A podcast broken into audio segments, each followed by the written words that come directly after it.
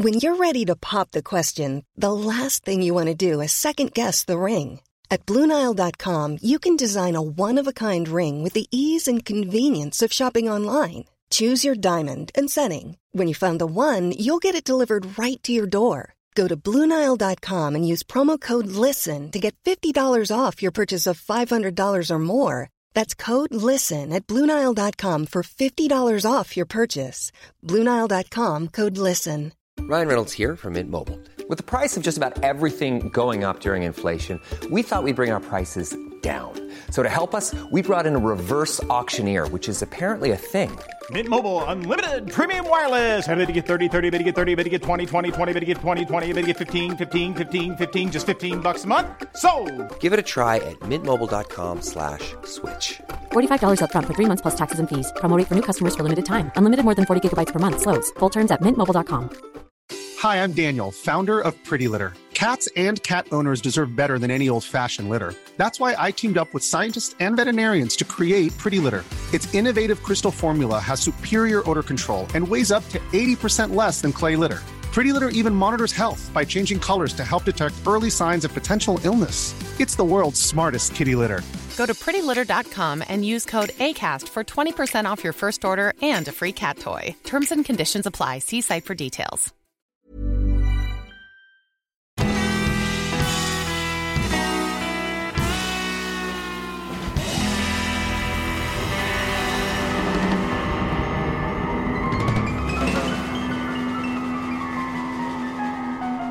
Hej allihopa och välkomna tillbaka till ett nytt avsnitt av Ståpäls. Och det är ju i vanlig ordning jag, Lukas och Ida. mm, Mm. i pollenvärlden. Ja. Mm. Eh, det är jobbigt just nu. Ja, du sa det, det låter som att du är lite sjuk. Men det är ja. du inte. Nej. Eh, men jag är otroligt svullen i bihålorna. Mm, Eh, och jag blir så här torr i halsen. mm. Ja, det är inte roligt. Alla håller ju på så Åh det är så vackert nu när häggen blommar. Åh det är så vackert mellan hägg och syren. Man bara håll käften. Ja, det är ju vackert. Men det är ju inte Ja, roligt för de som nej. inte tål det. Ehm, jag har ju som sagt, jag är allergisk mot gräs. Eh, inte sånt man röker utan sånt som växer på marken. Eh, så att eh, det är ju... ehm, eh, ja, ja, de, när de klipper gräsmattan då är det jobbigt. Åh, Men då känns det så- som att man får typ myror i halsen. Ja, alltså det kliar i gommen och det svider i näsan. Och, Jag tycker att- man sväljer och man sväljer men det känns som att man har liksom någonting i halsen hela tiden. Mm. Ja, nej det är inte roligt. Nej. Så att, eh, ja. Jag är ju känslig mot typ allt känns det som. Alltså Ja. som just nu. Folk säger man kan inte vara allergisk mot häggen. Hur kommer det sig att jag dör varje gång den blommar? Men kan man inte vara det? Det, Inte det, det tycker jag låter jättekonstigt. Men eh, För jag tänker det kan ju inte bara vara doften som gör att du reagerar. nej. Tänker jag. nej. Så Men det att, är, ju, eh, det är ju mycket björk också. Jag tror är måttliga mängder med björk. Mm. Eh, Men det var ju höga halter. Jag har ju den här pollenkollen på med telefonen. Eh, Så Ja. vi kan ju kolla ibland. Och då är det ju eh, eken är ju väldigt hö- hög just nu. ja. Eh, och sen är det björk är måttligt, bok är låga, gräs är låga och Mm. sälj och vide är låga. Så det är eken just nu som... Så jag har ju ingen Så. ek här i närheten så... Nej, det är Eh. det som eh, visar. I varje fall här i Uppsala. Ja. Eh, ja. Nej men eh, jag är allergisk mot häggen så är det bara. Det är, jag är Mm. allergisk mot syren också så att... Eh, Mm. eh, Ja. Jag är är så allergisk mot många blommor tyvärr. Alltså min mamma har ju aldrig fått ha pä- alltså, vad säger jag, hyacinter hemma. Nej. Du vet folk har ju det till jul och Just så. det. Hon kan ju inte det för att, för att jag och en storbror har varit jätteallergiska. Mhm. Och när mormor plockade in liljekonvaljer blev jag kände vi att jag var allergisk mot det. Jag gav Mm. mormor eh, påskli- eh, vad säger mormor? Mamma påskliljor. Mm. Eh, och då kom vi på att nej, de är jag allergisk mot. Jaha. Eh, så att ehm, Ja, du är väl... Du är väl... Eh, Ja, allergisk Ja. mot. För de, det är ju ofta, det är ju växter som alla har en doft. Alltså en... Ja, Eh, ja det får ju inte vara så. för starkt så. Så det ska inte vara för starkt. För du har väl också problem med för stark parfym och sånt. Ja. Så att det måste ju vara någonting som gör att du reagerar just när det kommer till de här dofterna. Ja. Ja, sen så har jag ju det där som med gräs och gran. Vi kan ju inte ha riktig, jag kan inte ha riktig gran på jul. Nej. Nej. Ehm, och sen, ja men eh, jag hjälpte eh, mina föräldrar, de har fått eh, sina fönster levererade. Mhm. Mm. Eh, och så skulle vi täcka över med en pressändning och sådär bara för att skydda dem lite. Och så satte jag mig på knä på gräsmattan eh, för jag skulle knyta fast i liksom, den här pressändningen i pallen. Och då stack jag ju mig på lite så här torrt gräs och så var det nytt gräs och det började svida. Ja, det kan jag tänka mig. Så jag fick ju så gå in, spola av och smörja. Och jag blev så röd. Alla de här små Ja. prickarna. Jag blev så röd. Ja, usch. Ja men det är ju också hemskt. Så det är det lite, det känns lite tråkigt nu så här på försommaren eller ja, sen vår, tidig sommar. Att Mm. jag är ganska begränsad. Jag skulle vilja vara ute och gå eller bara sitta på balkongen nu men det går inte. Jag- Nox Nej. är ju jättesur på mig för jag, jag har ju inte öppet så mycket som han vill för det Nej, går såklart. inte. Nej, om det kommer in i, i lägenheten så måste du ju hålla på med att ja, men, byta sängkläder hela tiden och soffan får ju, alltså det kommer ju in, det lägger ju sig. Det var ju bara som jag märkte nu, jag hade min cykel parkerat utanför jobbet och när jag skulle hoppa på cykeln så var ju sadeln gul. Ja. Ehm, Och det sker ju på nolltid alltså. Mm, det går ju jättesnabbt så att det, det Och man finns ju i luften känner hela liksom tiden. på händerna efteråt när man har tagit i styret och Mhm. Ja, alltså är det, det är um, ja. Till och med Nej. våran hund går ju och nyser nu. nej men Lycke då. Hon har gått och blivit pollenallergiker med. Ja, men du förstår ju, hon går ju och nosar på allt och så ligger det Ja. väl lager då i gräset och så drar hon in det liksom. Kommer in och nyser och fnyser och torkar näsan. Och... Ja, lillen. Det är inte så lätt. Nej, Men. Mm. eh, jag hoppas att det, det inte ska störa allt för mycket. Jag, jag tog nässpray en stund innan här nu så att jag inte skulle vara Mm. helt genomtäppt. Nej, det, Eh, det tror jag vi har överlevt. Vi har varit värre förut. ja, i och för sig. Vi har ju varit Med förkylda och halsont och poddat. feber och grejer. Ja. Så att eh, det ska de nog överleva. Ja, det får jag hoppas. Men eh, Ja. hur är läget med dig om vi ska bortse från allt det här med pollen? Eh, jo, det är väl bra tycker jag. Ehm, det blev, blev en liten kort vecka med barn den här veckan också för vi har planeringsdagar torsdag och fredag. Jaha. Så eh, ja, det, det blir lite längre dagar för mig dock för att eh, det blir lite fullspäckade och ja, eftersom jag inte jobbar så sent både torsdag och fredag så att det blir lite extra tid som jag får ta ut en annan gång. Ehm, Men ehm, och sen, nej men jag gillar ju, alltså ja som sagt förutom eh, pollen och grejer så gillar jag ju den här årstiden så jag Mm. Man känner sig lite lättare i själen ehm, när solen är framme och det... det- är ljust ute. Ja, men det känns fortfarande så skevt att gå hemifrån utan en jacka. Ja, eh, det var så roligt igår så cyklade jag till jobbet. Då hade jag långa byxor, eh, tjocktröja och eh, en tunn så här, jeansjacka som jag har. Ehm, och sen var jag tvungen att byta eh, till shorts på jobbet. Och sen idag så cyklade jag i shorts men sen blev det helt plötsligt kallt och då hade jag inte med mig några långa byxor. Nej. Ehm, så att ehm, det är svårt också att veta vad man ska ha på sig. Ja. Men nu när jag cyklade hem var det ju jätteskönt så det var ju bara shorts och t-shirt som Jag har, behövdes. inte, jag har inte varit ute idag. Så jag har Nej jag tror att det är typ 23 eller 24 grader. Ja, för igår var det ju varmt. Ja det var Men det var väldigt kvavt alltså. Ja till Ja, helgen ska ja. det bli väldigt varmt. Oh, great. Nej, men jag hade hoppats på att det kanske skulle åska lite. Men jag tror att det är lite tidigt på säsongen än.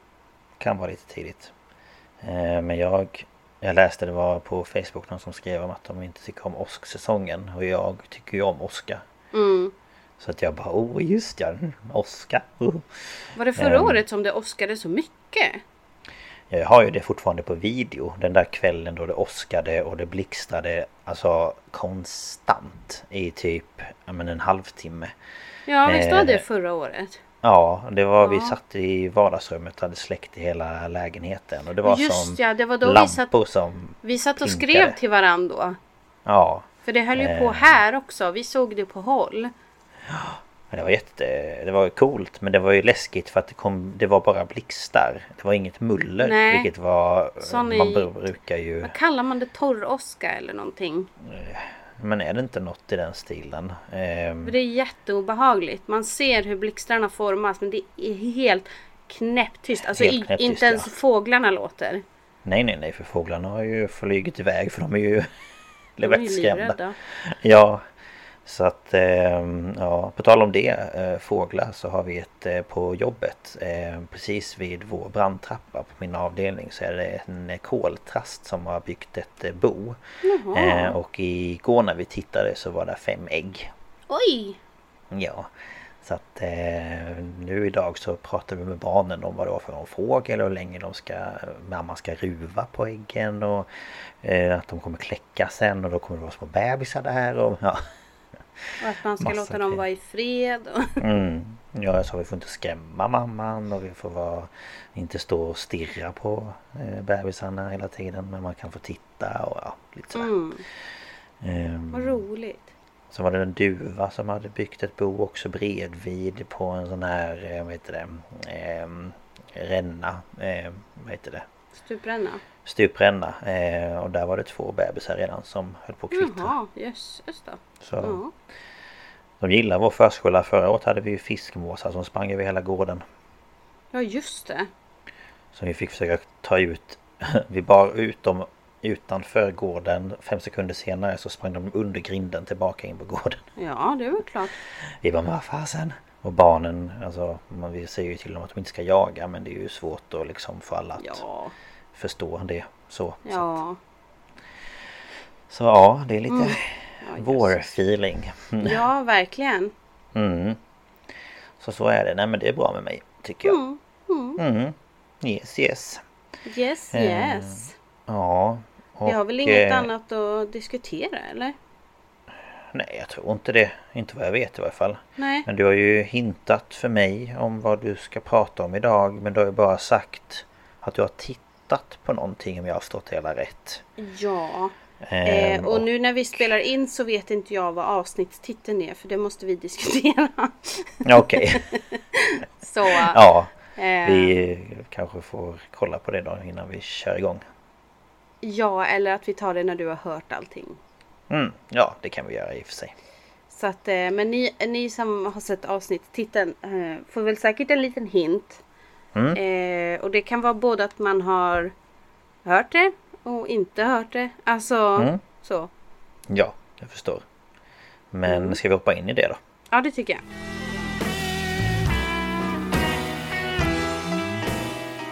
Ja, eh, innan vi börjar så tänkte jag bara säga om det är någonting som susar så är det min fläkt som jag måste ha på ettan för annars kommer jag att krevera. Glida av stolen. Ja, eftersom jag inte kan ha öppet och få in lite frisk luft. Mm. Så ja, nej men det är bara det. Mm. Ehm, och eh, som jag sa här, vi har inte bestämt eh, titeln på det här avsnittet än. Nej. För eh, jag vet inte vad vi ska kalla det. Jag Men eh, jag kan ta mina källor eh, och sådär. Och så, ja. Mm. Eh, det är lite, lite Wikipedia. Alltså inte mycket. Eh, sen är min största källa en tredelad dokumentär på Netflix som heter Don't pick up the phone. Och den släpptes förra året. Mm. Sen har jag lyssnat på eh, Case File. Eh, den här Case File True Crime, eller vad heter den? Mm. Jo, Eh, avsnitt 157, The Strip Search Scam. Och sen har jag lyssnat på eh, My Favorite Murder. Mhm. Som är liksom, vad blir det för mords förlaga? Ja, Amerikanska förlaga. typ. Ja, precis. Eh, avsnitt 341, If You Were Godzilla. Eh, och så, nu har jag bara det där My favorite murder på hjärnan, deras intro. Nu snurrar det i ja. huvudet på mig. Eh, sen har jag läst på abcnews.go.com, nbcnews.com och netflixlife.com. Mhm. Mm. Lite, lite så. Lite blandat så. Yeah. Eh, och vi ska till den 9 april 2004. Och eh, vi kommer följa Buddy Stump. Ja, han heter så. Ja. Stomp. Han är en nu pensionerad kriminalpolis, eller detective. Och han jobbade då i Mount Washington, Kentucky. Och han får ett samtal från den bidra, bi, bi, bi, bi, biträdande polismästaren. Mm. Som eh, är så här, hej, eh, vad gör du? Och han bara, ja, så jag är ledig så jag sitter hemma och kollar på TV. Jaha, men kan du komma ner till McDonalds? Eh, för det har hänt en sak här och jag vet inte hur jag ska förklara det. Eh, det har hänt hemska saker och jag behöver dig. Och han bara, ja, ja, okej. Så eh, han kommer ner till restaurangen som en, en liten detalj, eller ja, lite konstig detalj. Den håller fortfarande öppet. Eh, det är poliser på plats och alla springer runt som yra höns och han märker att det är liksom väldigt upprörd stämning. Och han vet inte riktigt vad han ska vänta sig. Men eh, han går tillsammans med kollegor genom köket till korridoren bakom. Och där finns ett bakre kontor. Och där ser han en ung tjej som är väldigt uppriven. Eh, chefen är uppriven och biträdande chefen är uppriven. Och eh, men de försöker prata med de här för att få fram vad som har hänt. Men det är väldigt så här... äh, så. Ja, ja. Eh, men eh, de förstår att det handlar om ett telefonsamtal. Eh, men det är väldigt... Men det är svårt att få fram vad, vad är det som pågår. Men då kommer en kollega fram till Barry och säger vi har en övervakningskamera som har spelat in allt så det finns på video. Eh, och då säger man eh, tack så länge till de här upprivna människorna och går in och kollar på videon. Okej. Ehm, och Buddy förklarar det som att det här är, den är ju, det är ju en video, en sån här, den flyter väl inte på utan det är lite sådär äh, hackigt. Eh, du vet som en sån här kamera, den fotar mer än vad den filmar om du förstår vad jag menar. Ja, ja, det är ingen, men det är ingen sån här övervakningskamera som sätts igång vid rörelse. Utan den Nej, filmar hela det är en tiden. sån där, ja precis. Och då blir den ju lite hackig så. Ja, ja. Och den har ju inget ljud. Nej. Så det blir ju som en stumfilm utan de här förklarande textrutorna ja. mellan. Eh, men eh, det han kan se är att Donna Summers, en kvinna där, hon pratar i telefonen. Och det som sen följer i det här klippet kan inte Buddy förstå. För det är så här att Donna Summers, 51, hon tar emot ett telefonsamtal på McDonalds-restaurangen i Mount Washington, Kentucky. Och hon är biträdande chef här. Och mannen som ringt säger att han är polis hos Mount Washington-polisen. Eh, och det här är den lokala polisen vars station ligger blott två kilometer bort. Och han säger att han på tråden i sånt här gruppsamtal har chefen för hennes McDonalds och en representant för McDonalds, alltså Corporation. Han fortsätter och säger att en av Donnas anställda har anklagats för att ha stulit en coin purse, men typ en plånbok, från en kund. Och eh, när han beskriver, han vet ju liksom inte vad den här anställda heter, utan han beskriver att det är en eh, tjej, en liten tjej med brunt hår. Och Donna säger, ja men vi har en anställd som ser ut så. Okej. Och hon kallar in sagda anställda på kontoret och det här är 18-åriga Louise Ogborn. Och hon har tagit jobbet på McDonalds för att hjälpa sin familj ekonomiskt. Då hennes mammas hälsa har sviktat så hon har förlorat sitt jobb. och, men gud, ursäkta. Du får dricka lite. Jag, jag tror jag får göra det. Ja, gör det. En liten slurk. Ja, jag tror det är min allergi som håller på. Mm. Men den här dagen har eh, Louise erbjudit sig att stanna längre. För att eh, hon ska egentligen sluta någonstans efter lunch. Eh, men det är en väldigt hektisk dag. Och det är en kollega som inte kommer in. Så hon har sagt men jag kan täcka liksom det. Så. Mm. Och då är, är liksom policyn att eftersom hon ska stanna längre så får hon gratis mat. Så hon har ätit mat och ska börja jobba igen. Mm. Och eh, när eh, Donna konfronterar henne med den här anklagelsen om stöld så blir hon, hon blir rent ut sagt arg. Och hon blir upprörd för hon säger jag skulle aldrig göra något så hemskt. Nej, Jag skulle aldrig falla mig in liksom. nej. Och Donna säger det till den här polisen i telefon och han säger då att ehm, antingen så kommer de och griper Louise på restaurangen. Eller så kan Donna hjälpa till och genomföra en kroppsvisitation på Louise för att se om hon har stöldgodset på sig. Eh, Jaha. Mm. Det är väl inte enligt Praxis, konstens alla regler. Nej, nej. Nej. Din, din chef ska göra en kroppsvisitering här av dig nu. Mm. Men eh, det som är är att det här är en, en liten ort. ehm, där många liksom, ja men polisen bestämmer. Man gör som polisen säger. Så. Jaha okej. Ja, ja. Ehm, men Louise hon plockar ur sina fickor, lägger allt på bordet och vänder fickorna ut och in och liksom är så här, men jag har ingenting. Nej. Och det är nu det börjar spåra. Kan man säga. Okej. För det kommer ännu en biträdande chef in på kontoret med en soppåse som hon sätter över fönstret på dörren. Och nu så får Louise klä av sig. Ett klädesplagg i taget. Eh, och varje klädesplagg kontrolleras. I allt enligt polisens instruktioner i telefonen. Och hon får till och med ta av sig underkläderna. Nej. Ehm, så hon eh, står naken där inne. Det är inte så bekvämt liksom. Det kan man ju verkligen förstå ja. Ehm, men Donna ger henne ett förkläde som hon kan liksom skyla sig med. Och Ge eh, henne hennes kläder igen bara. ja men precis. Eh, det har nu gått en timme sedan den här polisen ringde upp. Och Louise sitter naken och skäms och fryser. Och på den här polisens begäran så tar de Louise tillhörigheter, alltså kläder, allting. Lägger dem i en påse och går ut och lägger dem i hennes bil. Jaha.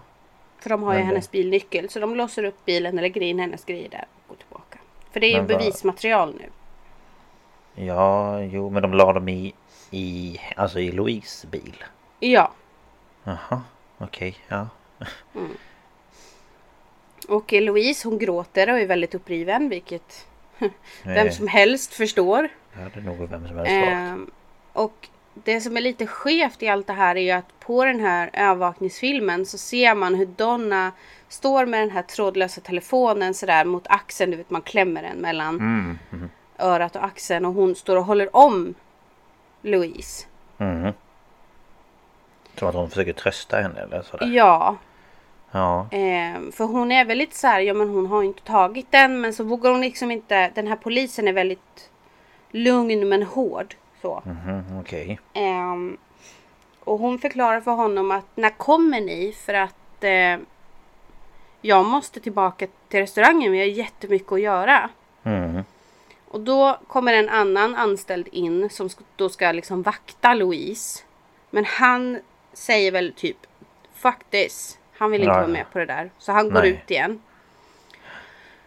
Och Donna är så här, men när kommer ni? För jag, jag måste jobba. Och den här polisen är, ja men vi är på väg. Vi, det är mycket nu så det kommer när det kommer. Men har du ingen liksom som du litar på som kan liksom vara där med henne och se till att hon inte gör någonting? Mm. Det får gärna vara en man. Nej. Vadå det får gärna vara en man? Ja. Och eh, Donna är så här, ja men... Eh, för då frågar den här polisen, är du gift? Nej, men jag har en fästman. Ja, men honom litar du väl på? Ja, det gör jag väl. Ja, men ring honom då. Jaha, ja men så hon ringer ju honom. Och eh, då kommer han in. Och det här är då Walter Nix som kommer dit. Eh, och han jobbar ju inte där utan... Ja, Nej, nej, nej. Det är bara hennes... Eh, ja. fästman. boyfriend. Eh, och han är ju i medelåldern. Tror jag. Ehm, och eh, ja, han sätter sig väl där eller ställer sig där. Och eh, får telefonen. Mhm. För han måste ju ha kontakt med den här polisen. Mhm. Eh, och han börjar nu då följa den här polisens instruktioner. Och polisen säger nu då att Louise hon ska ta av sig förklädet och göra lite stjärnhopp. Springa på plats och skaka lite för att se om någonting faller ut ur henne. Eh, Jaha, okej. Det är inte alls förödmjukande. Nej, och det är inte riktigt så den kvinnliga kroppen fungerar. Nej men jag kände det också. Det är inte så att man liksom... Ja, det bara faller fritt. Nej, men jag har stoppat upp en plånbok i min hoo-ha och nu när jag gör lite jumping jack så kommer den ramla ur. Då skulle väl tamponger och allt annat också falla ur. Ja, men precis. Men ja. Ja. Mm. Och Donna hon kommer ju in och kollar läget med jämna mellanrum och då får Louise tillbaka förklädet. Så att Donna vet ingenting om det här. Nej, okej. Och det här blir ju bara värre och värre. Och vid ett tillfälle så får, för hon ber ju hela tiden snälla låt mig gå, jag vill inte, bara säg åt polisen att komma och hämta mig istället. Och då blir den här polisen irriterad och så säger han att Walter ska straffa henne. Så hon får helt enkelt lägga sig över hans knä och han ska smiska henne. Men herre min ge, vad är det här för något? Ja, och han Men- gör det till och från i 20 minuter. Men alltså jag tänker att... Att de går med på det. Jag Ja. vet inte. Alltså... Jag vet inte, det känns bara som att... Att det känns... Ja, jag vet inte. Jättekonstigt. Ja. Men eh, vi är liksom inte färdiga än heller. Nej. För nu säger polisen att Louise ska sätta sig i Walters knä. Och hon ska kyssa honom för då ska han kolla hennes andedräkt för att känna om hon har druckit alkohol eller tagit droger. Ja, för, för droger känner man ju på andedräkten. Oh ja, Eller ja, du vet alltså. Jag tänker att det gör man väl ändå inte. det tror jag inte. Alkohol kan man ju känna. Kanske om du har rökt gräs då, men Ja, men... ja. Eh, och när hon har gjort det här så får Walter instruktion att säga åt Louise att utföra oralsex på honom. Nej. Och när detta är klart så drar Walter från platsen. Och då kommer det in en äldre man och han är egentligen ledig eh, från McDonalds. Han är vaktmästare. Han är där för att... Gulle. Eh, han är där för att han, sko, han köpte efterrätt. Nej men gud. glass eller någonting då. Åh. Eh, och han får gå in där då och eh, han tar telefonen och hör vad den här polisen säger åt honom. Och han är så här stopp, stopp, vänta lite nu. Mm. Och sen går han till dörren och säger du, det här är fake. Det här är ingen polis. Nej. Och hon väljer då att ringa upp chefen som polisen säger sig ha på tråden. Alltså deras chef. Och hon väcker henne. Och den här kvinnan är så här, vad fan pratar du om? Vad, vadå? Jag pratar inte med någon polis. Nej. Och när Donna då konfronterar eh, den här polisen med det så lägger han på.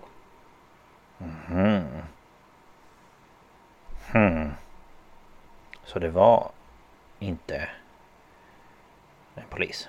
Nej. Men ja. Men det var alltså så att eh, i det här lilla samhället så var det ändå så att folk gjorde som polisen sa. Så att det var inget Ja. konstigt eller? Nej, alltså det, det har ju gått över gränsen och, och Jo, alla jo, har ju fattat menar- det i efterhand. Men, Ja. men alltså det är en sån här, men du får tänka det är Kentucky, det är en liten ort. Hmm. Det är liksom, men, men, där känner de ju polisen liksom. Så. Ja. S- ja, jag, jag, jag har inte riktigt, de har gått igenom eh, psykologin om allt det här. Men jag har fortfarande svårt att acceptera det. Men, eh, Hmm. Ja, gud ja, ja. Men alltså... För jag tänker att... Det går ju till en viss gräns och då tänker man att fast det här... Nej. Ja men varför skulle polisen säga åt honom att, att be om oralsex? Ja, men det är det jag menar. Att det, och redan bara att, att, eh, att de ska genomföra en kroppsbesiktning på en anställd. Alltså det är ju som att min chef skulle bara kom nu Lukas, nu ska jag visitera dig här. Mm. Man bara fast varför då? Eller alltså... Den totala folkmängden är 18 000. Jaha, okej okay, så det är så väldigt... För väldigt... USAs standard är ju det här jättelitet. Ja. Men ändå, ja, jag vet inte, det låter ju helt sjukt. Mm. Men eh, ja, efter att ha sett allt detta på övervakningsfilmen så bestämmer sig Buddy för att eh, man borde gripa Walter. Mm. Så det är väl några som åker iväg och gör det. Mm. Men han inser ju att han måste ju få en redogörelse från den här flickan. Ja, såklart. Och han har liksom inte tittat på henne då när han kom in utan så. Mm. Men när han nu går ut och pratar med henne så tittar han på henne och så inser han att det är hans grannes dotter. Nej. Jaha. Så han liksom tittar på henne och så här. Louise? Ja. Och hon tittar upp på honom och så bara Yeah buddy, it's me. Nämen. Och alltså han känner ju henne, han är barndomsvän med hennes pappa. Mm. Ja. Och han, nu blir det jobbigt. Både liksom då och i dokumentären. Han har jättesvårt att hålla tårarna borta. Såklart. Det är ju liksom en situation som och jag tänker även för då han som har jobbat inom det här som polis att veta att någon ja. har lurat henne och dem att göra allt det här. Ja, och det blir ju ganska personligt nu också liksom. Mm. Ja. Och, och, det blir ju jobbigt men det han eh, kände också var att det gav honom en sån här inre glöd att när nu jävlar. Så. Mm. Ja, det förstår jag. Och eh, det första man måste göra nu är att hitta den som ringer. Mm. Ehm, och han går ju igenom så här, vad kan det vara? Men det kan ju vara en sur före detta anställd. Det kan vara någon som har något personligt agg mot Louise. Mm. Och eh, han undersöker om det finns någon telefonautomat utanför McDonalds. För han tänker att förövaren kanske ringer och ändå vill stå där och se all kalabalik som uppstår. Mm. Eh, för mobiltelefoner de finns ju vid den här tiden 04. Men ja. det är fortfarande inte supervanligt. Nej. Utan det är telefonautomater som används dagligen när man är ute liksom. Mm. Så under sitt nästa skift så gick han igenom alla vittnesmål och finkammade dem efter saker som kunde hjälpa honom att komma närmare någon, någon slags lösning. Mm. Eh, och sen under tiden han sitter där så får han en snilleblixt. Så han googlar på McDonalds strip search. Och mm. han får upp artiklar om liknande händelser på restauranger över hela landet. Jaha. Och eh, många av fallen är väldigt lika. Den här polisen Jaha. uppger till och med samma namn vid flera. Han kallar sig för Detective Scott. Hmm. Och till slut så har Buddy en lista på 73 fall i 32 delstater från 1994 fram till 2004. Mm -hmm. Men gud. Vad sjukt. Och nu in, ja, och nu inser ju han att det här är ju inte en lokal jävla pervo som nej. ringer ifrån telefonkiosken över vägen. Nej. Men en liten fråga bara. Så jag ja. förstår det hela. De här eh, detektiverna och polisen som kom dit allra först. De såg hela det här utspela sig fast utan ljud på övervakningskameran. Ja. Okay. Så det här med vad de har sagt och sånt där. Det är ju sammantaget då med vittnesmålen. Mm, ja men precis. Men, eh, ja, men han ser ju allt det här utan ljud och det här är ju flera mm. timmar som det här pågår. Mm. Ja men det är också så sjukt att den här då hon, heter hon, vad sa du Donna? Nej vad sa du? Mm. Ja, att hon bara såhär, men jag ringer min fästman som kommer hit. Man bara... ja, varför kom, då skulle jag bara säga, men snälla varför kommer inte bara ni? Okej, det går fortare om jag skjutsar henne till er. Ja. Någonting. Jag ringer mm. hennes mamma eller pappa som får komma och hämta henne. Mm. Nej men alltså. Ja precis. Ja. Hmm. ja nej det var väldigt konstigt.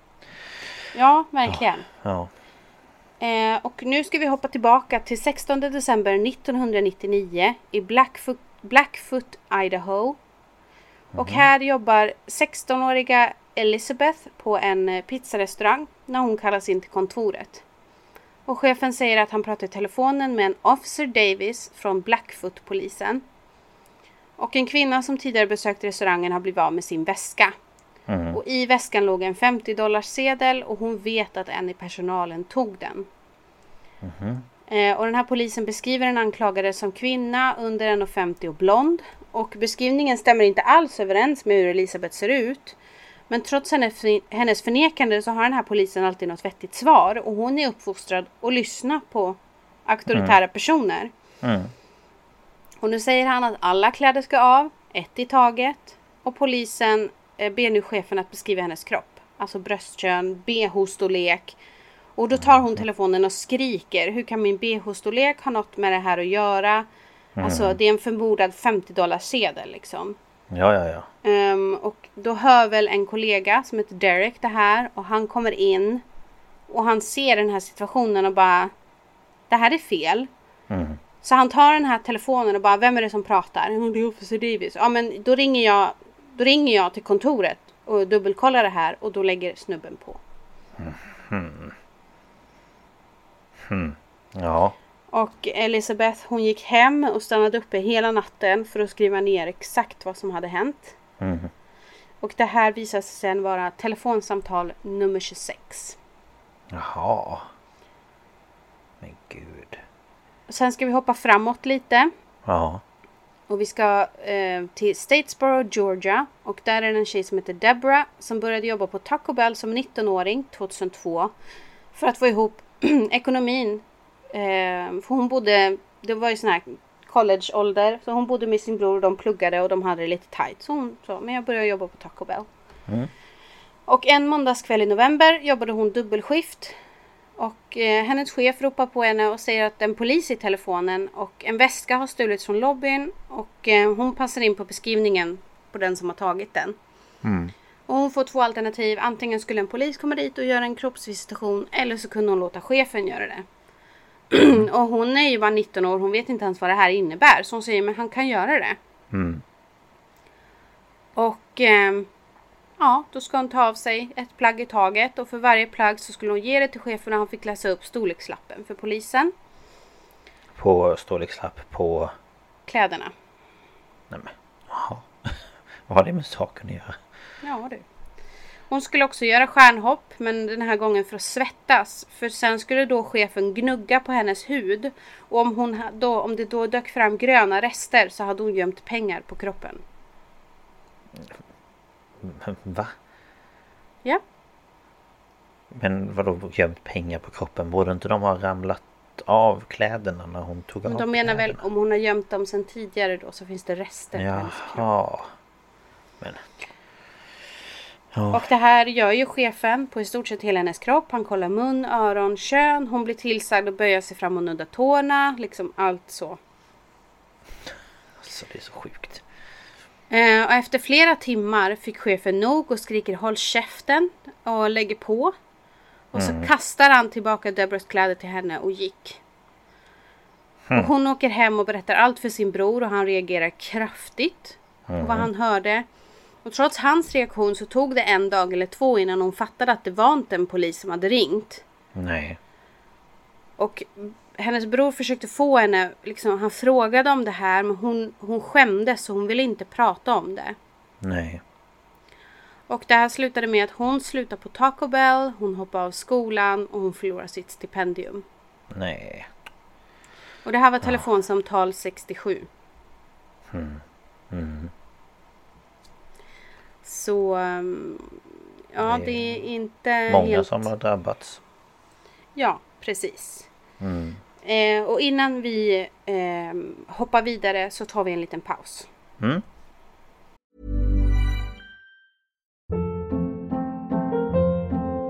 Hold up. What was that? Boring. No flavor. That was as bad as those leftovers you ate all week. Kiki Palmer here, and it's time to say hello to something fresh and guilt-free. Hello Fresh. Jazz up dinner with pecan-crusted chicken or garlic butter shrimp scampi. Now that's music to my mouth. Hello Fresh. Let's get this dinner party started. Discover all the delicious possibilities at hellofresh.com. Burrow is a furniture company known for timeless design and thoughtful construction and free shipping, and that extends to their outdoor collection. Their outdoor furniture is built to withstand the elements, featuring rust-proof stainless steel hardware, weather-ready teak, and quick-dry foam cushions. For Memorial Day, get 15% off your Burrow purchase at burrow.com slash ACAST and up to 25% off outdoor. That's up to 25% off outdoor furniture at burrow.com slash ACAST. Ja, nu ska vi tillbaka till Buddys fall, alltså Louise. Mm. Och eh, när han är där innan då han har ehm, Ja han har väl eh, tittat på videon, jag vet inte när det är. Men han är där, när han kommer dit. Så är det en anställd som är smart nog att ringa stjärna 69 och det här är återuppringning till senaste numret. Jaha, okej. Så då får man fram numret på den som har ringt. Och han försöker ju ringa det här numret men det tutar bara upptaget. Mhm. Och samtidigt som det här sker, som han börjar liksom gå igenom med vittnesmål och allt det här som jag berättade. Mm. Så jobbar en Victor Flaherty, tror jag man säger, Flaherty. Mm, ja. På eh, fyra liknande fall på olika Wendys. Alltså Wendys restauranger i Massachusetts. Mhm. Och han lyckas också få fram numren och ehm, han får tillstånd att begära ut register men han får tillbaka en rapport som säger typ numren är falska. Och då ringer han upp AT&T som är en sån här äh, telefonoperatör, typ Telia. Mm. Och han blir runtskickad till olika personer. Ja, du får prata med den, ja, du får prata med den. Men till slut så kommer han fram till en kvinna som jag nu inte kommer ihåg vad hon hette. Eh, men hon säger, vet du vad? Det här kan vara ett av våra telefonkortsnummer som betalas kontant. Mhm. Och telefonkort, för om det är någon som lyssnar som kanske är yngre än oss eller som bara inte vet. Så var det liksom, säg typ stora simkort. Som du Mm. kunde sätta, du, du be- förbetala, säg du laddar på 100 kronor. Sen kunde du använda dem i telefonautomaterna istället för att plutta in mynt. Mhm. Så hade man det där Precis. kortet. Så typ som ett simkort fast lite mera fast. Ja. Ja. Eh, och han är så här, ja men hur sjutton spårar man ett sånt? Mm. Ehm, och han ringer ju också till dem och, och vill spåra de här fake-numren till originalet. Men det går inte. Men han håller ju på och ringer runt och ringer runt. Och så efter en hel massa samtal så ringer den här kvinnan tillbaka. Och säger, vet du vad? Sen 9-11 så kan vi spåra sådana här telefonkort. Trots att liksom the public vet inte det. Nähä. Eh, det är ju för att man började ju spåra terrorister och ja. Mm. Såklart. Och hon kunde spåra de här numren till Panama City i Florida. Och eh, Buddy har på sitt håll kommit fram till samma sak. Eh, och eh, någon av dem får veta att polisen i Panama City har också fått in anmälningar om liknande händelser som de utredde. Eh, och de här de jobbar ju på varsitt håll än så länge, de vet inte om varandra. Men eh, Viktor han lyckas få fram var korten köptes. Och de köptes den 19 februari på Walmart i Panama City. Och han ringer dit och säger Säg att ni har övervakningsfilm. Ja, det har vi. Kan jag få den? Jag vet inte, du får prata med den här. Jag vet inte, du får prata med den här.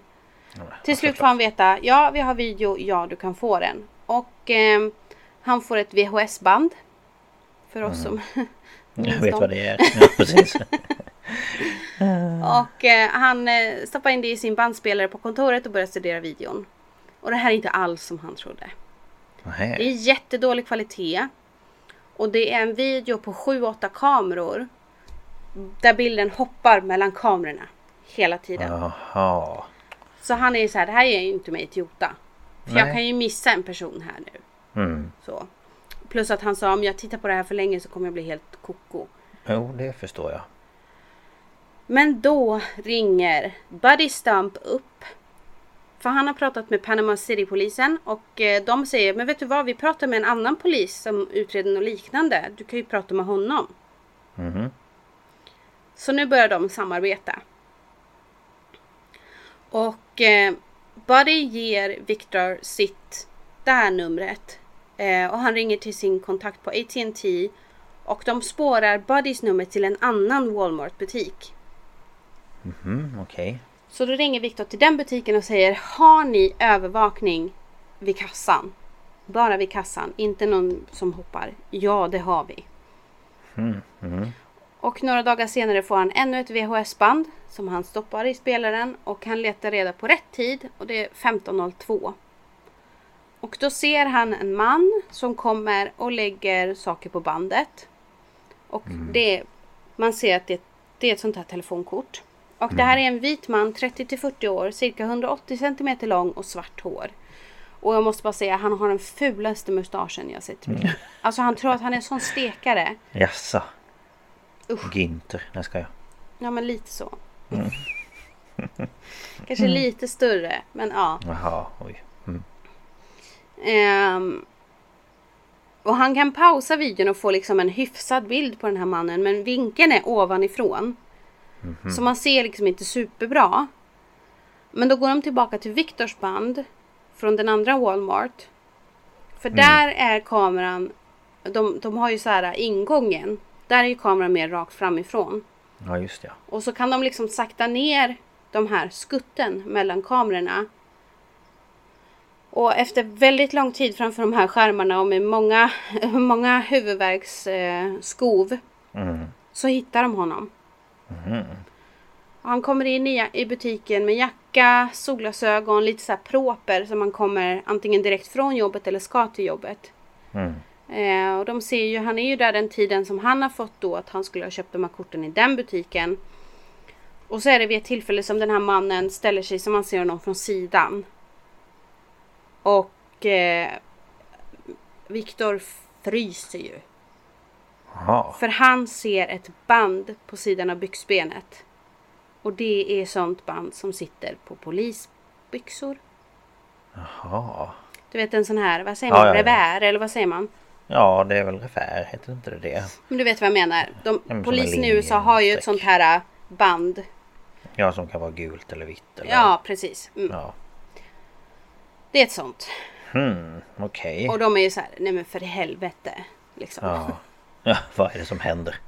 Eh, och nu åker Buddy och Victor tillsammans till Panama City för att leta reda på mannen. Och de åker till polisen och visar eh, den här, de här bilderna eh, och video från eh, Walmart då för deras kriminalare.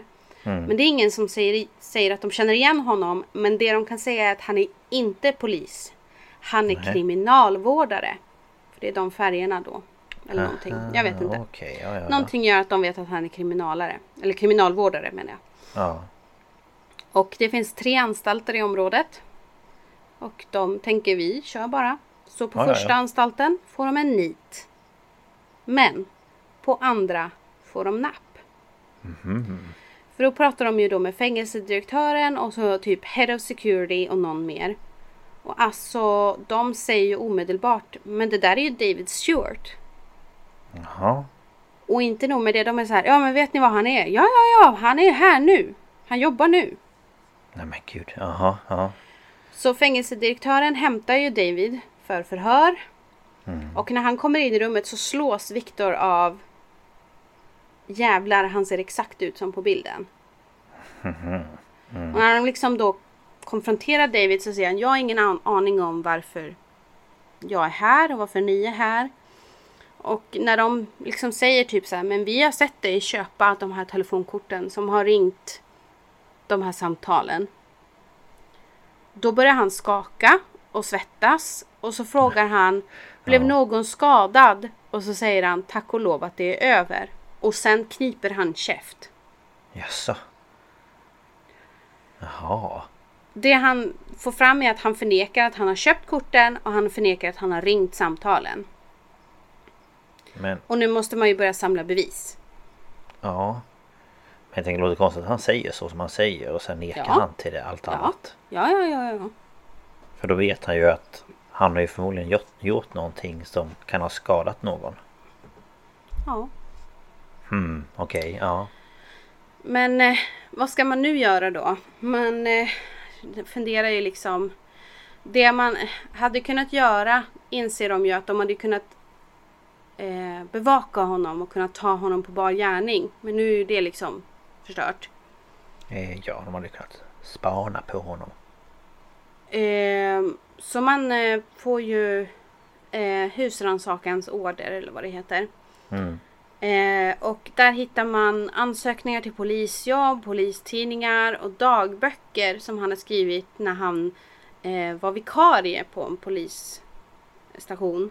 Mhm. Och där är det typ såna inlägg så här. Åh, onsdag 18 juli. Åkte 240 kilometer i timmen med chefen för vi skulle jaga en snubbe. Typ Åh, sånt. coolt. Typ så. Ja, ja, ja. Ehm, men det här är ju ingenting som kan hjälpa till i en utredning. Alltså Nej. så. Och man hittar till slut ett telefonkort som man hoppas kunna koppla till något av alla samtal. Ehm, men jag tror inte man kunde det. Men man menar ju liksom ändå att men vi har ju honom på video, han köper korten de här tiden och allting sånt. Men det är ingen anklag- äh, åklagare som vill ta sig an fallet. Då man känner att det är lite för svårt att fälla honom för något typ, typ sexualbrott eller så. Mhm. Men eh, Victor skickar all den här informationen till Buddy och Buddy är så här, den här jäveln ska inte komma undan. Så han gör allt för att få en häktningsorder. Och han lyckas. Jaha.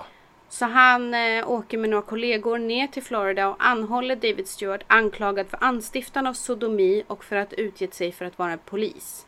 Mm. Ehm, och det är ju ett ganska stort brott. i USA. Jag vet inte hur, det är ju olagligt här också men det är nog inte riktigt på samma nivå. Nej, det jag kan inte uttala mig om det men jag vet att i USA att det är straffbart. Ja, det är, det är big no-no. Mm. Och han får då först en borgen på 500 000 dollar. Men sen lyckas han få en advokat som...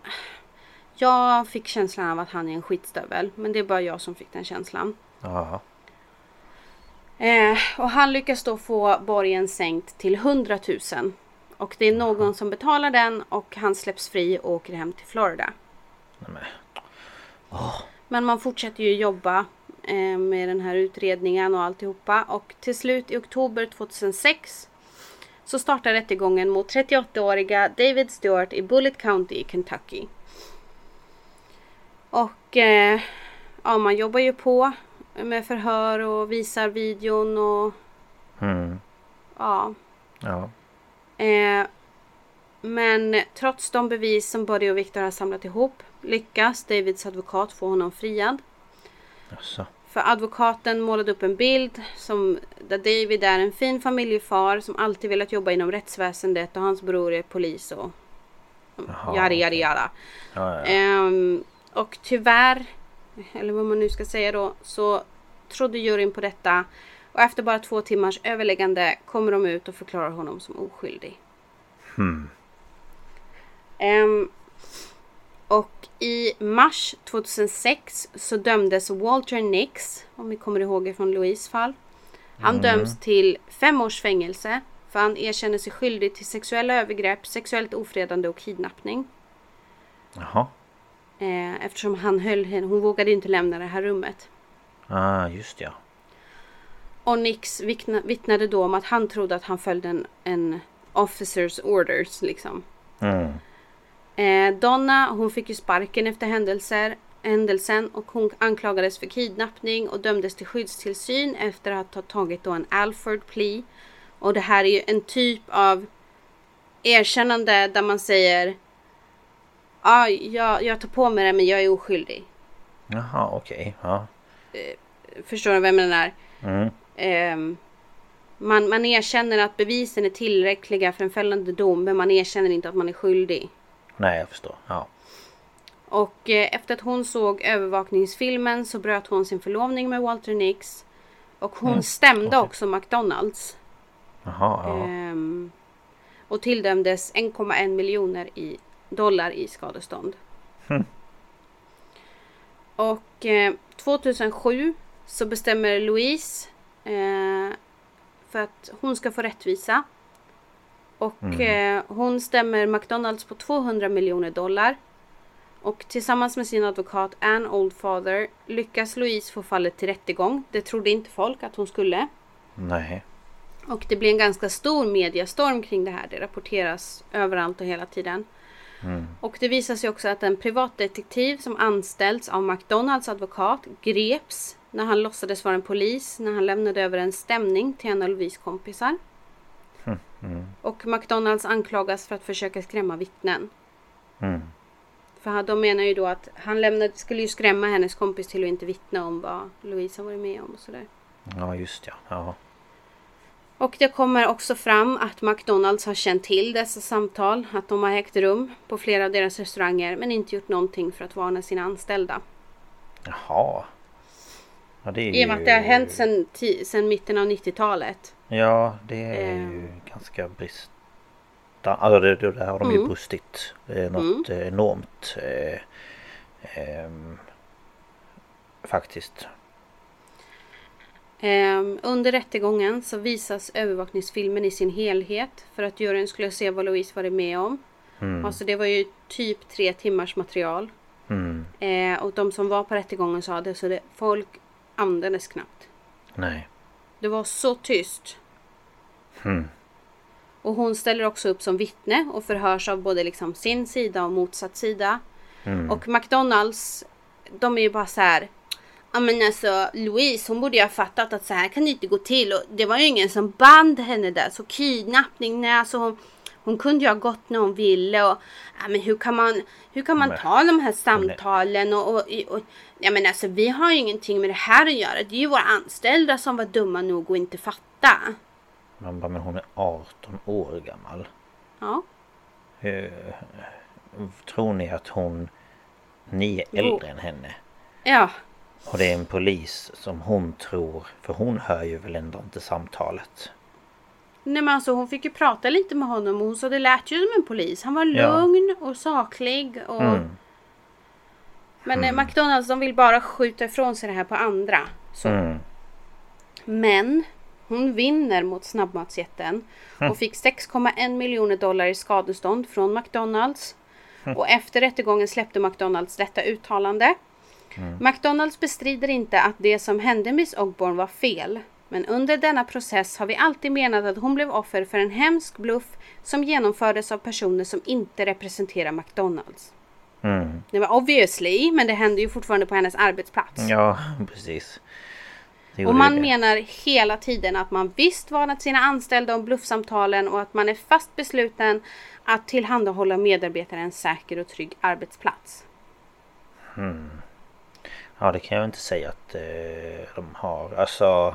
Nej. Jag menar det är väl en del av det då att säga att om den här personen ringer så lägger på på en gång eller ja. Mm. Nej, alltså som jag förstod så skrevs det väl någon slags meddelande men det skickades aldrig ut. Mhm.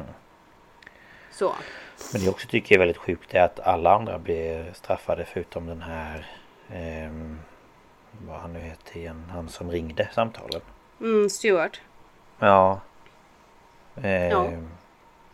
För jag tänker att eh, det är ju skilda rättegångar men jag tänker att hon, alltså Louise borde ju ändå Alltså kunna i sin rättegång säga att det var en man som ringde vid den här tiden. Ja, men eh, den här advokaten som han hade, han eh, jobbar ju på hårt och de målade ju upp någon slags omöjligheter i varenda jävla grej. Hmm.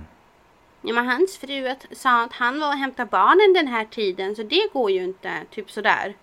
Man bara nej för det går ju inte för att han är ju Men då är hon ju inte Eller då är ju inte de med varandra så att hur vet Vad vet hon vad han har gjort? Ja men precis. Alltså Lite så. Ja Ehm, och 2012 så kom filmen Compliance. Skriven och regisserad av Craig Zobel och här, den här är baserad på Louise fall från 2004. mm. Och eh, efter att David Stewart ställdes inför rätta och friades så har samtalen upphört. Jättekonstigt va? Hmm, vad lustigt Jag undrar varför Ja men eh, nej men oj konstigt. Oj, de Jättekonstigt. bara helt plötsligt bara, bara borta Ja, jag förstår inte. Nej Eh, jag har inte skrivit så mycket om det här men jag kommer ju ihåg det. För att de tar ju upp det här med psykologin i det här. Hur kan folk gå på det här? mm. Och då tar de upp de här Milgram-experimenten. Ja just det, ja. Och det är ju de här där man tar in en person som ska ställa frågor till en annan person som de inte ser och när de säger fel så ska de få en stöt. Mm. Precis. Och eh, det, den som då får en stöt är ju en skådis så den skriker ju och Ja. säger fel med flit. Ja. Och den här personen, läkaren är så här, nej men nu får du höja styrkan. För att den här svarar ju fortfarande fel. Mm. Och att man då ser att det fanns fall där folk sa nej, jag klarar inte det här. Men det fanns också fall där folk helt enkelt gav i stort sett en dödlig dos med ström. Eller vad ska man säga? En dödlig Mm. stöt. Som Mm. kunde ha dödat en riktig människa. För att den här läkaren sa åt dem att göra det. Mm. Och det, fin- det, det är Ja, massa men psykologi kring det här. Och de kopplar ju det här till lite samma sak. Det är en, en, en polis, en auktoritär person som säger åt dig. Du ska göra det här för jag säger åt dig det. Mm. och att det är man då liksom gör det. Man, man, Mitt Ja, men man- befäl liksom. ja, men man tappar tydligen då sin egen moralkompass.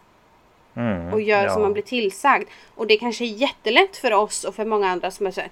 Men vad fan, det fattar man ju att det är fejk. Men vi har inte varit där. Nej. Men, men såklart, jag tycker ju liksom vid vissa punkter som eh, när man ska kyssas och oralsex att ja men snälla någon. Ja, där måste där. du ju koppla. Ja, att vilken polis eh, inom sin profession skulle eh, säga de sakerna. Alltså Mm. uppmana till det. För jag tänker Mm. där brister ju polisen i sitt eh, men sin yrkesroll och vad den har eh, vad ska man säga, ja men rätt att göra. Eh, för det, alltså det blir ju också att man men det, ja, man är väl hjärntvättad lite där i den situationen helt enkelt då. Mm. Att man Ja. inte riktigt kopplar även fast man kan tycka det i efterhand att det skulle vem som helst fatta. Mm. Och det som de ser också är att alla de här samtalen är ringda till restauranger i små samhällen. Mm. Där man antagligen har en större respekt för auktoritära personer. Mm. Alltså hade han ringt till eh, downtown LA hade de kanske varit en sån vad fan är ditt jävla problem? Och lagt på. Ja. Men ringer Men, man till liksom rural Kentucky, rural Massachusetts Mm. så är det helt annat. Jo, men jag tänker för där är det ju ofta så också att polisen som jobbar där är ju en del av lokalbefolkningen i den staden eller den Mm, byn. mm. Och då tänker man att Ja men Att man träffas kanske utanför yrket. Eh, Jo men och sen är det nog vanligare rent generellt också att man har en annan respekt för polisen Ja. i småstäder. Ja. Ehm, och liksom en, ett av de här offren var ju militärbarn. Alltså hennes pappa var militär. Så det var verkligen så här, du ska lyssna på Mm. de som På står de över som- dig. ja, Och då är det precis. klart att hon inte vågar säga ifrån eller gå därifrån. Eller som Louise eller någon av tjejerna. När ska de ha haft chans att springa därifrån? Ja. Dels sitter de ju där med en man som är större än dem. Mm. Men sen som också så Louise sa, hur skulle jag kunna springa ut därifrån? När de har tagit mina kläder och gått Ja, ut med dem i min bil, ska jag springa naken genom restaurangen? Nej. Alltså, Det är ju, och det är ju om någonting förödmjukande att springa genom en restaurang full med gäster. ja och i en småstad där alla Mm. känner dig typ. Nej men Nej. alltså det är ju, Fy. Det är, det är skrämmande att det kan bli så här. Eh, Men jag tror tyvärr att vi har den psykologin i och med att vi har de här Mm. systemen Men där det är någon som bestämmer över oss och Ja men, ja men precis, så att lite så här betingande eh, grejer.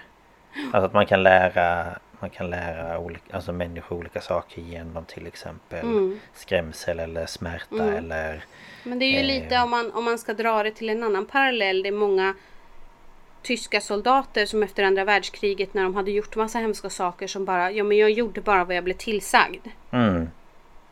Ja men precis för att de var, de var under de här andra som sa åt dig att göra det. Mm. Ehm, så att man förstår ju att det förmodligen, alltså att det har någonting med Ja men med psyket och, Mm. och hierarki och ja men den biten att göra. Men Ja. från ett, ett eh, utomstående perspektiv så låter det ju helt skevt. Alltså... Ja, ja. Eh, och att man... Eh, eh, att, ja, man blir liksom... Det låter helt galet att, att en polis eh, skulle kunna säga sådana saker. Ja. Mm. Men också liksom som en av tjejerna, hon visste ju typ inte ens vad en kroppsvisitering var. Nej. Så hur ska hon kunna då säga nej? Och sen ja. när det väl har börjat, hur ska hon våga säga stopp? Ja men precis. För jag tänker man kan ju också säga med kroppsvisiteringar har de menat att de ska göra som, som när man typ går eh, igenom, eh, vad vet jag, eh, på flygplatsen när de liksom känner utanpå kläderna. Du vet vad jag mm, menar? Mm. Alltså kanske en sån sak. Ja men det kan ju vem som helst göra. Det är ingen fara. Men när det mm. handlar om kroppsvisitering så ska man ju ta av sig grejer. Och egentligen är ju inte det att man ska ta av sig sina underkläder och stå helt naken. Heller. Nej. Utan Nej. det är ju mer att Ja, jag vet inte. Ja, herre min ge. Ja, jag tycker det här är sjukt. Och jag, jag tog ju bara med de fallen som de tog upp i dokumentären och sådär. Mm. Men alltså du får tänka det är 70, över 70 samtal. Mm. Ja det är Under många som har år. drabbats av detta. Ja. Eh, som förmodligen inte har vågat gå ut med det antar jag då eftersom de inte har Nej. ställts eh, eller ja, att det inte blivit någon rättegång eller dylikt kring det. Eh, för det hade man väl i så fall kanske eh, vetat mer om då. Jag menar det är ju sån stor skam kopplat till det här så de vågar ju inte för de känner sig ju dumma och... Ja. Ja. ja men att man, alltså man så här, vad heter det, man skyller, man skyller allt mot sig själv. Att man liksom säger hur, mm. hur kunde jag vara så dum och mm. tro på detta och mm. att jag ens gick med alltså på det här och ja mm. det blir ju såklart mycket sådana tankar kan man ju förstå. Ja. Eh, och då vill man ju kanske inte att hela världen ska veta om att man har gått med på de här grejerna.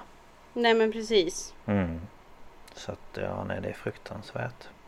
Ja. Eh, och just vad det sätter för spår i de här unga tjejerna. Eh, för det var väl främst tjejer antar jag. Eller det var bara tjejer. Ja, det var något enstaka fall jag läste om en kvinnlig chef som blev eh, åtalad för att ha eh, sexuellt utnyttjat en manlig anställd. Eller ja, en kille. Okej, okay. ja, ja, ja. ja Så okay. det kunde vara åt båda hållen. Ja, ja, ja. Men, eh, mm, jag förstår. Nej, för jag tänkte att ja, det, och det spelar ingen roll för att en, en eh, man eller en pojke kan ju också eh, Alltså de upplever ju också det här på samma sätt men Ja. Eh, jag menar mest det här med att någon som är äldre och som är liksom en vuxen man eller då en kvinna som som gör de här grejerna mot en skadar ju ens egen ja men vad vet jag sexualitet eller självbild ja. och Jag tänker ju på eh, Debra som Ja men hon hoppade av skolan, hon förlorade mm. stipendium, mm. alltså Ja men det är psykisk ohälsa, man kanske börjar Självkänslan och självförtroendet sjunker. Man ja, tar, tar liksom ut den här förtvivlan eller ilskan på mm. olika sätt. Mm. Över vad som har och hänt. i och med att det också är så mycket victim blaming också. Mm. Ja precis. Det är, ja, nej det ja. är fruktansvärt. Verkligen men det var ett väldigt Det var väldigt intressant eh, Case eller fall eller vad jag ska mm. säga för att det är inte så, alltså det är inte så vanligt kan det ju inte vara. Eller alltså Nej, nu har alltså, det ju alltså- hänt många gånger så men Ja Nej men att, alltså jag känner ju eh, också att man var ju helt säker på att det var typ Walter som kände den som ringde eller någonting. Mm, mm. Eh, men eh, nej så var det inte. Nej, det var det Ege. Nej. Ja nej, men tack för detta. Ja det är så lite så. Det var som sagt eh, intressant och viktigt att belysa. Även mm. att det kanske är eh, sådana här helt galna grejer. Ja. Ehm, och eh, det behöver inte vara så här utan det kan ju vara att någon bara ringer och pressar en till att göra saker. Som man ja, inte vill. Alltså, alltså det behöver inte vara på det här sättet. Tänker på man... ekonomiskt också. Mm. Det är om ens kortuppgifter eller vad som helst. Ja, eller som man vet idag att många gör olika bedrägerier när det kommer till att man ska logga in på sin Swish eller man ska mm godkänna mobilt bank-id och så vidare och så vidare. Och så försvinner pengar från kontot och sånt och man lurar äldre och Ja, det är ju samma slags eh, Ja men bedrägeri så att man Ja man går på de som inte vet bättre. Lite så. Mm.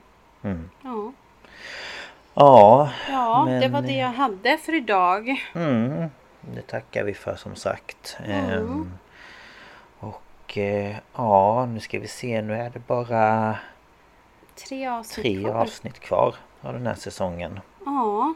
Och Ehm. eh, nästa gång blir det lite annorlunda.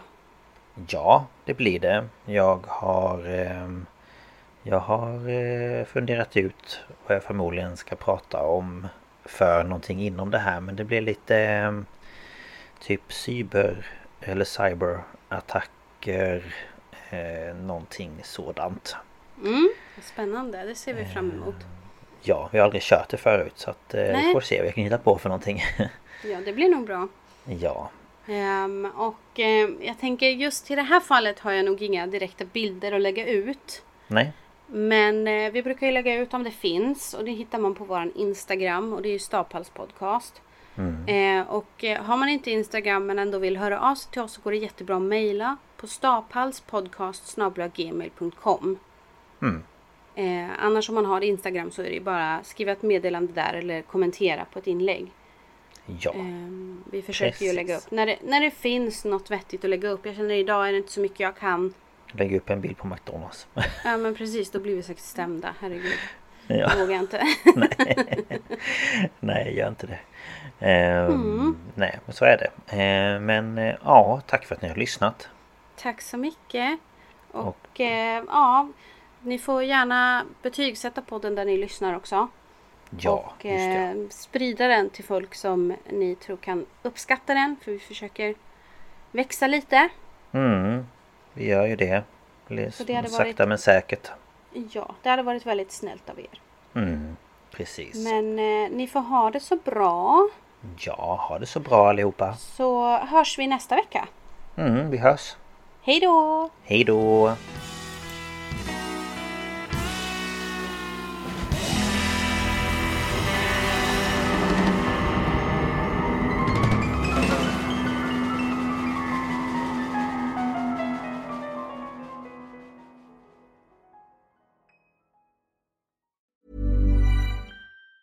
Hi, I'm Daniel, founder of Pretty Litter. Did you know cats tend to hide symptoms of sickness and pain? I learned this the hard way after losing my cat, Gingy. So I created Pretty Litter, a health monitoring litter that helps detect early signs of illness by changing colors, saving you money and potentially your cat's life. Pretty Litter is veterinarian developed, and it's the easiest way to keep tabs on your fur baby's health right at home. Go to prettylitter.com and use code ACAST for 20% off your first order and a free cat toy. Terms and conditions apply. See site for details. Planning for your next trip?